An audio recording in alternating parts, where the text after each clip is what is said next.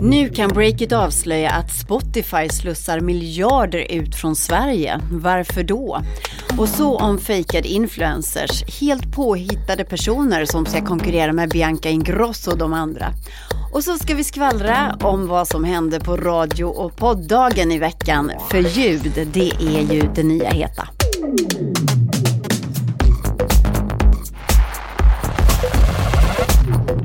Välkomna till Breakits podcast. Jag heter Katarina Andersson. I den här podden så blandar vi korta nyheter om det nya näringslivet med långa sköna spaningar. Och vi lovar att du kommer känna dig lite smartare när du har lyssnat klart. Framför dig har du runt 25 tajta poddminuter. Och vi börjar med några telegram. Facebook vill att AR-glasögon, alltså augmented reality-glasögon, ska ersätta smartphonen. Techjätten har i hemlighet jobbat på att ta fram sådana här glasögon och i veckan kom nyheten att Facebook jobbar ihop med det klassiska glasögonmärket Ray-Ban för att nå målet. Det är Ray-Bans dotterbolag som har teamat upp med techjätten för att göra AR-glasögonen lite coolare. AR-brillorna ska gå att köpa om ett par år och nästa vecka när den årliga Oculus-konferensen konferensen äger rum i Kalifornien så får vi antagligen veta mer om det här. I höstas avslöjade Breakit att mediestartupen Kit hade decimerat sin redaktion. Bara fyra personer jobbade kvar med journalistiskt innehåll då. Och i veckan så kom nyheten om att de slutar med journalistik helt och hållet. Bolaget som backades med 50 miljoner från Bonnier i startkapital kommer från och med nu att agera som en mediebyrå.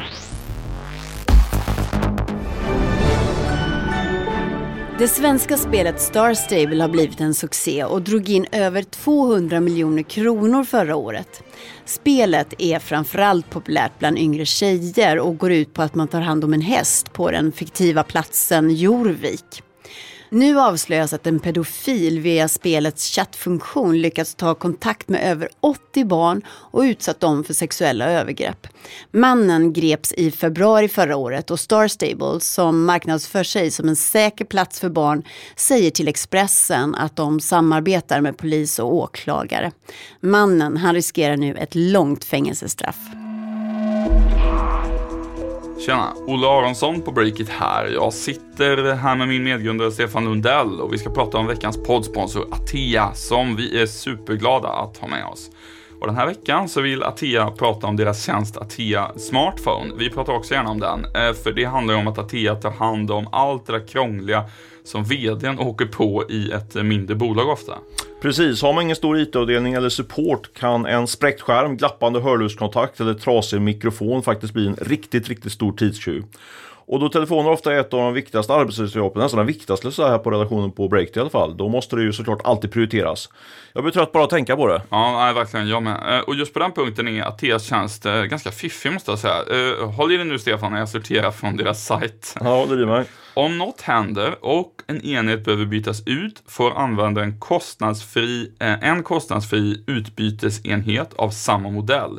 Telefonen överlämnas av en tekniker som även hjälper till med korrekta inställningar och ser till att allt fungerar. Det låter ju grymt. Jag blir ärligt talat riktigt sugen faktiskt på att signa upp mig direkt här efter att vi spelat in det här. Låter det här intressant också för er som lyssnar på den här podden? Gå in på atea.se och läs mer. Tack Atea för att ni sponsrar vår podd.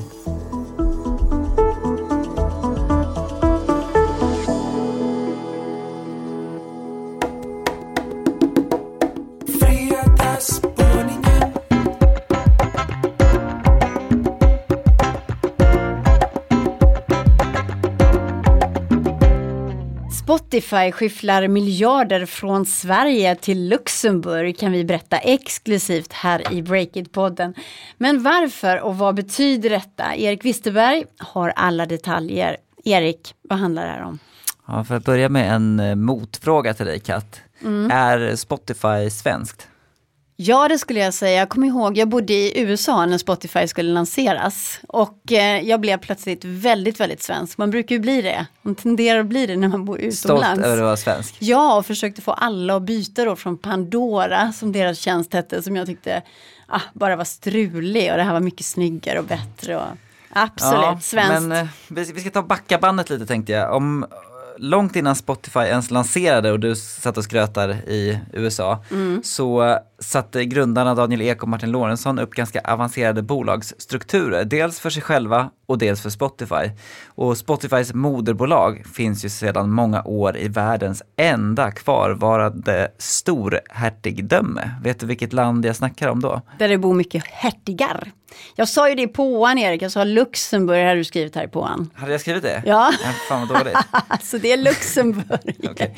Luxemburg är rätt. Ja, rätt svar. Men eh, det är ju som bekant ett så kallat skatteparadis som är känt för att hjälpa bolag med attraktiva skatteupplägg. Och det här har gjort att Spotify från tid till annan har kritiserats. Hur då? Men flera gånger har medierna spekulerat kring Spotifys skatteflykt, eh, lite inom citationstecken. Och eh, så här skrev SVT till exempel i en kritisk text inför Spotifys börsnotering. Någon bolagsskatt från kommande vinster hamnar inte i Sverige, eh, så skrev de. Men det här har varit en icke-fråga eftersom Spotify i alla år faktiskt har gått med förlust. Ja, så då betalar man ingen skatt ändå. Men om vi eh, struntar i det förgångna och går vidare, vad är det som har hänt nu då? Ja, men något smått historiskt faktiskt, om man får vara lite nördig. Spotifys svenska dotterbolag, alltså Spotify AB, som har över tusen anställda, har faktiskt börjat redovisa vinst. Och vad som är ännu mer intressant, det är att Spotify AB i det tysta har börjat slussa miljarder ut ur Sverige. Och då kanske du kan gissa var de hamnar någonstans då? Ja, i det här Luxemburg då. Hertigdömet, storhertigdömet. Precis. Dokument som vi har grävt fram från Bolagsverket och vi älskar ju Bolagsverket. För att ge en liten shout-out till de hårt arbetande handläggarna på Bolagsverket. Det är liksom de som håller ekonomijournalistiken i Sverige levande. De har i alla fall skickat handlingar till mig som visar det här svart på vitt. På en extra bolagsstämma den 3 juni så klubbades det. Spotify AB skulle dela ut närmare 1,2 miljarder kronor till sitt moderbolag i Luxemburg. Och årsredovisningen visar också att man gjorde en utdelning på drygt 900 miljoner kronor under 2018. Så på kort tid har alltså 2 miljarder kronor delats ut från Spotifys svenska dotterbolag till moderbolaget i Luxemburg. Alltså nu blir man ju lite matt av alla siffror som du rabblar upp här. Det luktar så här skatteflykt eller någonting. Vad är det som händer här? Men I många år har ju Spotify tagit in miljarder i riskkapital och de har delvis då slussats in i det här svenska bolaget. Och det som händer nu är att pengaströmmen istället går åt andra hållet, att det svenska bolaget töms lite på tillgångar för att berika det här företaget i Luxemburg. Hajar du nu eller? Ja, ja, om vi ska säga någonting om varför de gör så här då. Ja, det är ju alltid den mest intressanta frågan, så jag har Varför? jagat Spotify på svar och det har tagit sin lilla tid. Men till slut så lyckades jag få ett rätt konkret svar från Spotify via Dusty Jenkins, PR-chefen som sitter i New York. Hon säger att Spotify givetvis följer alla lagar och skatteregler, bla bla bla bla bla. Men när jag pressade på lite mer så berättade hon konkret vad Spotify i Luxemburg faktiskt ska ha de här miljarderna Men till. spotta fram det då. De ska användas för att köpa Spotify-aktier från börsen, säger Dusty Jenkins. Det sker via bolagets tidigare utannonserade så kallade återköpsprogram. Och varför man gör så, det skulle kunna bli en hel podd i sig. Men faktum är att många storbolag, exempelvis Telia, gör det här i ganska stor skala. Kortfattat är det ett sätt eh, för att göra aktieägarnas innehav värt mer. Mm, jag kan ju ingenting eh, om börsen, så om du kan förklara det här på ett enkelt sätt. Men tänk dig att du har ett bolag som är värt en miljon kronor och så finns det tio aktier i det här bolaget. Om då företaget köper tillbaka två av de aktierna och sen liksom skrotar dem, eldar upp dem i den öppna spisen eller någonting. Då är företaget fortfarande värt en miljon, men nu är det bara fördelat på blott åtta aktier. Och då har ju värdet på varje aktie plötsligt stigit med 25 procent. Och det är precis det här börsbolag gör eh, för att belöna sina aktieägare, vilket samtidigt kan vara rätt gynnsamt för börskursen. Då. Du är en sån pedagog Erik, till och med jag förstår ju det här. Tack. Någon gång ska jag göra en specialpodd om återköp av aktier. Eller inte. Men du, eh, hur blir det med Spotifys eh, bolagsskatt i Sverige då? Om de nu delar ut de här miljardbeloppen till Luxemburg för att shoppa sina egna aktier. Ja, den påverkas faktiskt inte direkt eftersom utdelning, det sker ju på så kallad balanserad vinst, alltså efter skatt på resultatet. Nu låter jag som en revisor här, men eh, Spotifys svenska årsredovisning, den visar faktiskt att företaget för första gången någonsin, skulle jag tro, betalar, eller betalade så kallad bolagsskatt under 2018 eftersom man gjorde en vinst. Det blev 36,5 miljoner till statskassan. Tack Spotify. Och eh, till det kommer ju också ungefär lika mycket i sociala avgifter tyckte jag mig se. Men eh, det verkligt intressanta blir ju att titta på hela det här skatte, skattefrågan med Spotify den dagen då Spotify-koncernen som helhet går med vinst. När tror du att det blir, Kat? Om tre år skulle jag tippa. Om tre år. Vissa säger att det aldrig kommer hända. Jaha, okej. Jag kanske var lite väl positiv där. Får jag bara ställa en sista fråga till dig Erik. Tack för en jättefin spaning. Skulle du egentligen vilja jobba på Bolagsverket istället för här? Och läsa sådana här handlingar dagarna i sträck? Alltså det skulle jag verkligen inte vilja göra. Jag vill ju bara liksom plocka ut handlingar, inte sitta och läsa och scanna in tusentals dokument. Men registratorer och arkivarier runt om i Sverige, det är, liksom, det är Sveriges bortglömda grovjobbare. Vi ger dem en shout-out. Yes. Snart så kommer Caroline Englund hit och ska prata om helt påhittade influencers. Och sen så ska vi också prata mer om Spotify och fråga oss om de kan vinna över Sveriges Radio. Hallå alla poddlyssnare! Olle Aronsson här, medgrundare på Breakit och veckans podd sponsras av speltechbolaget Kindred förstås. Och jag har turen att stå här bredvid deras utvecklingschef Sören Törnlund. Eh, Sören, Sören gör något som kallas Hackdays där man under två dagar släpper allt annat faktiskt. Om man jobbar på Kindred så får man släppa allt man gör under två dagar helt och hållet för att lösa specifika problem. Antingen med sitt vanliga team eller med ett helt nytt. Kan du berätta lite mer om det? Vi arrangerar regelbundet hackdagar internt då alla som vill får bilda team och skapa något ihop. Det kan vara allt möjligt. Huvudsaken är att teamet känner att det vore en kul grej att testa. Ibland handlar det om att förbättra ett verktyg eller testa ett nytt sätt att jobba. Ibland att testa ny teknik.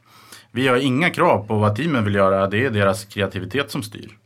Och det går till så att vem som helst kan publicera en idé på vår hacksida. Sen så får alla som vill vara med i teamet eh, joina. Det brukar bli bäst när kollegor från olika avdelningar gör något ihop.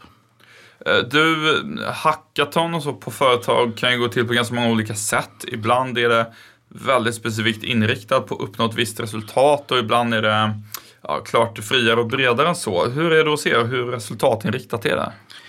Det finns ju ett lekfullt tävlingsmoment men egentligen inte alls. För oss handlar det om samarbete över teamgränser, kreativitet och tillfälle att lära sig saker. Vissa team når inte i mål och vissa team skapar saker som vi direkt använder på riktigt. Huvudsaken är att man lägger lite hjärta i det. Ja, det låter fint. Du, tack för idag Sören och tack till Kindred för att ni sponsrar och därmed stöttar att Breakists podcast kan fortsätta göras.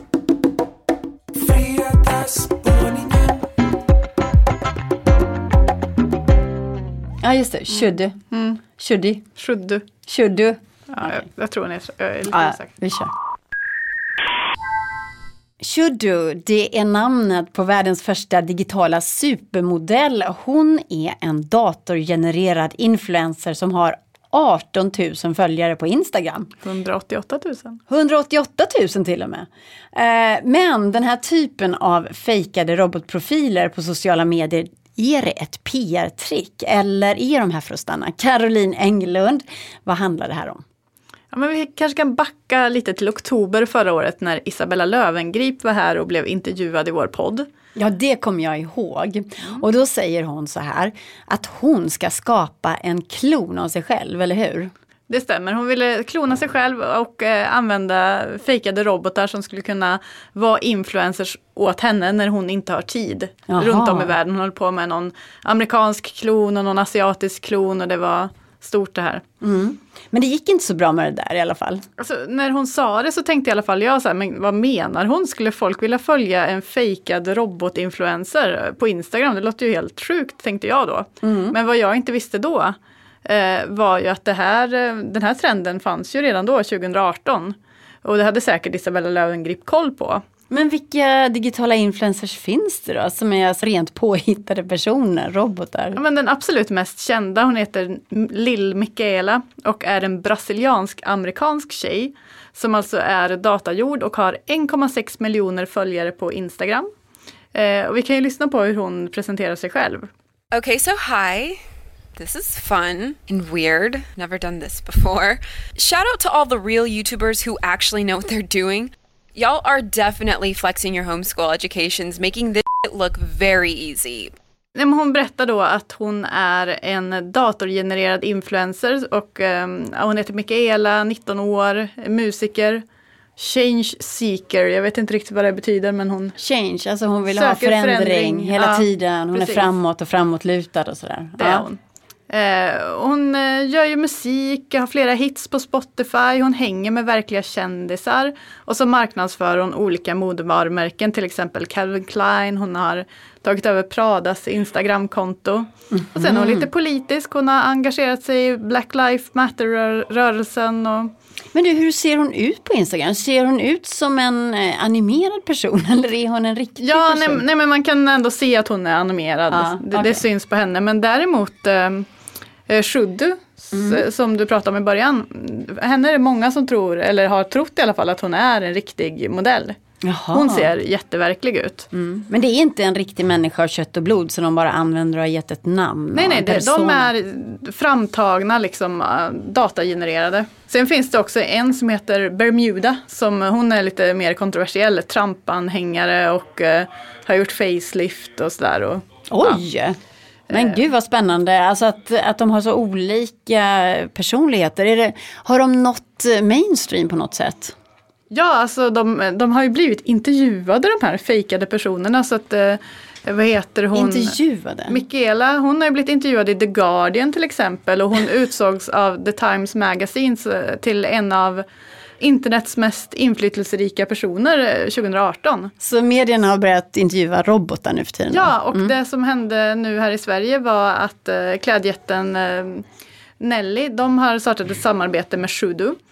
Och efter att hon eh, började samarbetet med Nelly så blev hon intervjuad i Svenska Damernas Värld här. Jaha. Och eh, man kan säga att i den här branschen så finns det pengar. 5 miljarder dollar spenderades på influencer marketing i USA förra året.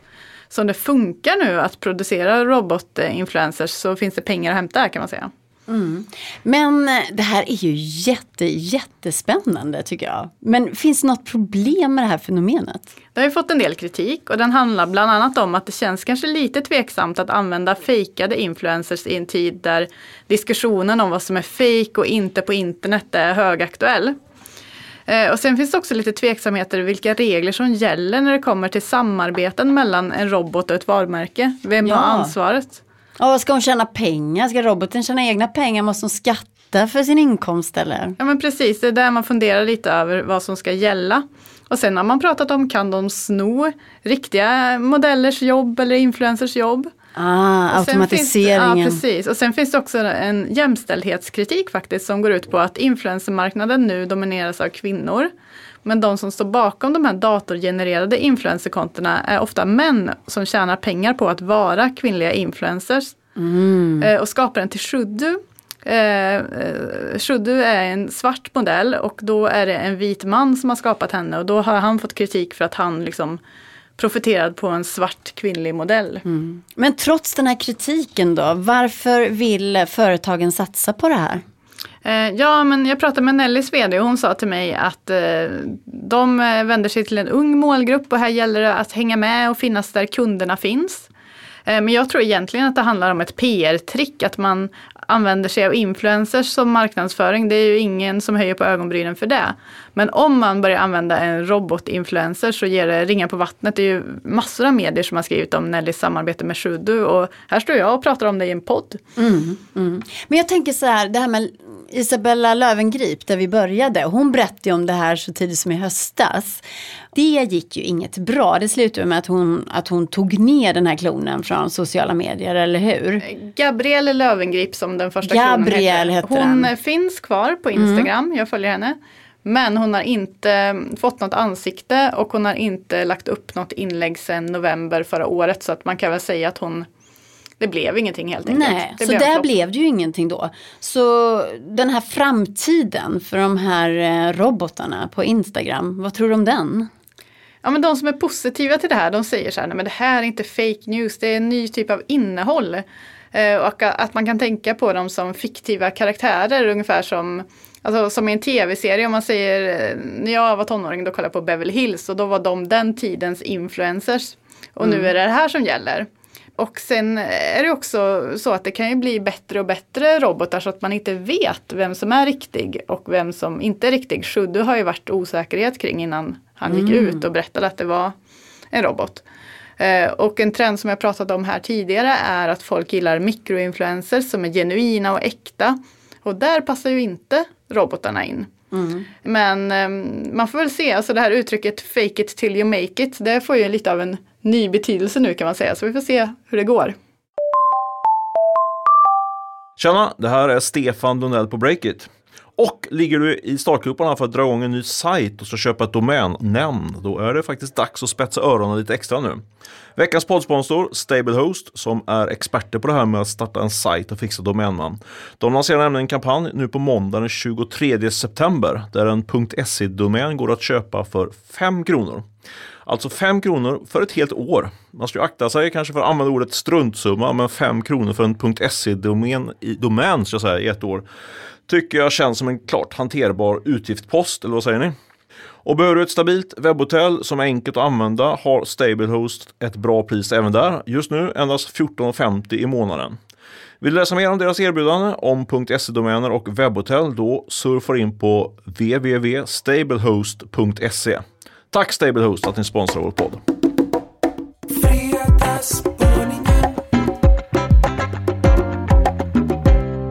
Hälften av alla svenskar lyssnar inte på podd och det här vill Spotify ändra på.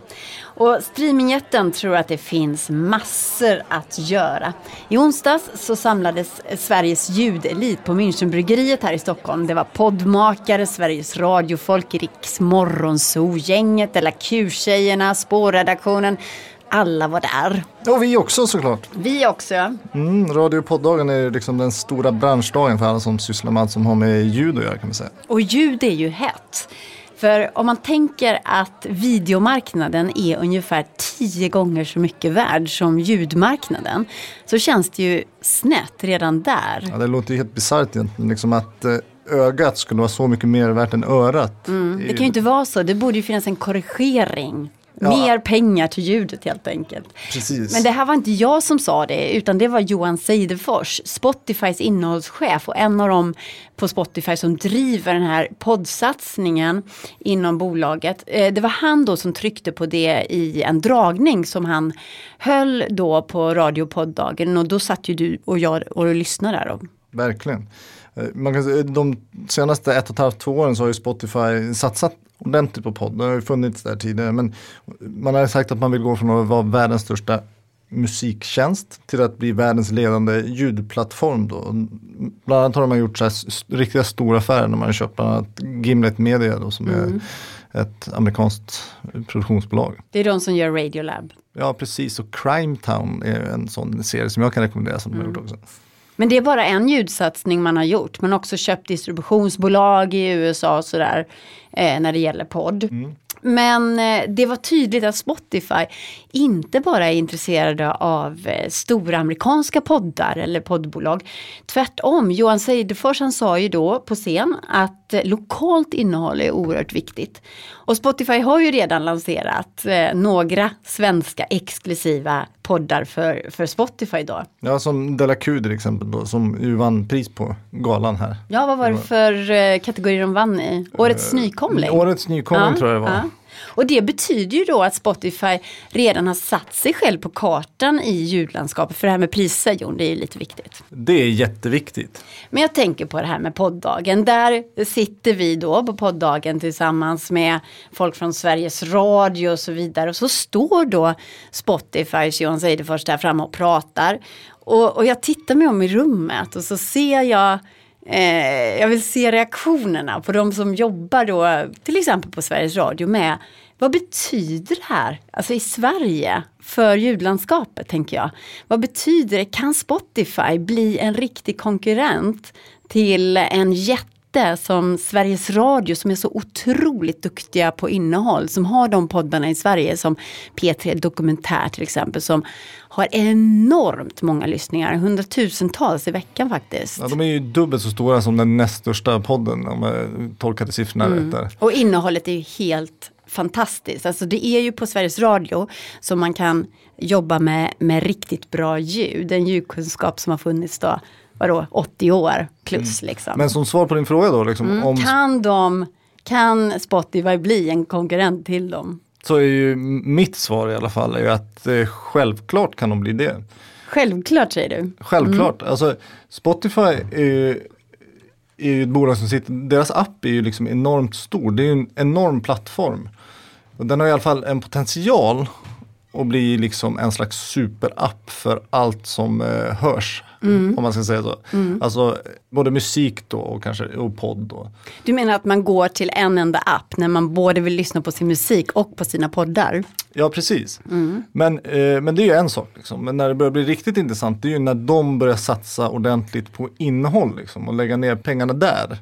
Då kan de ju liksom eh, bli en konkurrent till eh, PT Dokumentär och, och så vidare. Du menar att de gör Spotify dokumentär? Ja, precis. Och de gör ju liksom det här eh, delvis redan som vi pratade om Della Q då som ju vann eh, pris här. De har ju den här Karina Berg och Carolina Gynning gör ju en podd också. Som är exklusiv för dem. De har ju dragit igång en del så här poddskolor där liksom eh, aspirerande poddare kan eh, eh, få lära sig egentligen hantverket. Så att de vill alltså skapa poddstjärnor i Sverige på något sätt, hjälpa till i alla fall. Ja, precis. En slags Det- plantskola. Mm, och det kan man ju säga då också att eh, podd kan ju ha en fördel för eh, Spotify om man jämför med deras musikaffär då eftersom där kan de ju på ett lättare sätt kanske äga innehållet än vad man gör när det är musik. Så det finns ju liksom eh, pengar, en större marginal där kan man tänka sig. Men det som en jätte som Sveriges Radio har som stor fördel det är ju att man har en enorm erfarenhet när det gäller till exempel att göra nyheter, analyser och så vidare. Den där journalistiken och det där innehållet som kostar så otroligt mycket. Man har mycket utrikeskorrespondenter och sånt där. Skulle du någonsin kunna se liksom att eh, Spotify skulle göra någon daglig nyhetsshow till exempel? Alltså det ser jag inte så stora problem. Det, jag kan tänka mig, nu var jag lite för ung då, men när eh, samma diskussion fanns säkert när eh, TV4 kom in på nyhetsmarknaden till exempel. Och där, där kunde man ju lösa det. Problemet, eller det som de måste lösa, det är ju att man måste få in det beteendet hos folk.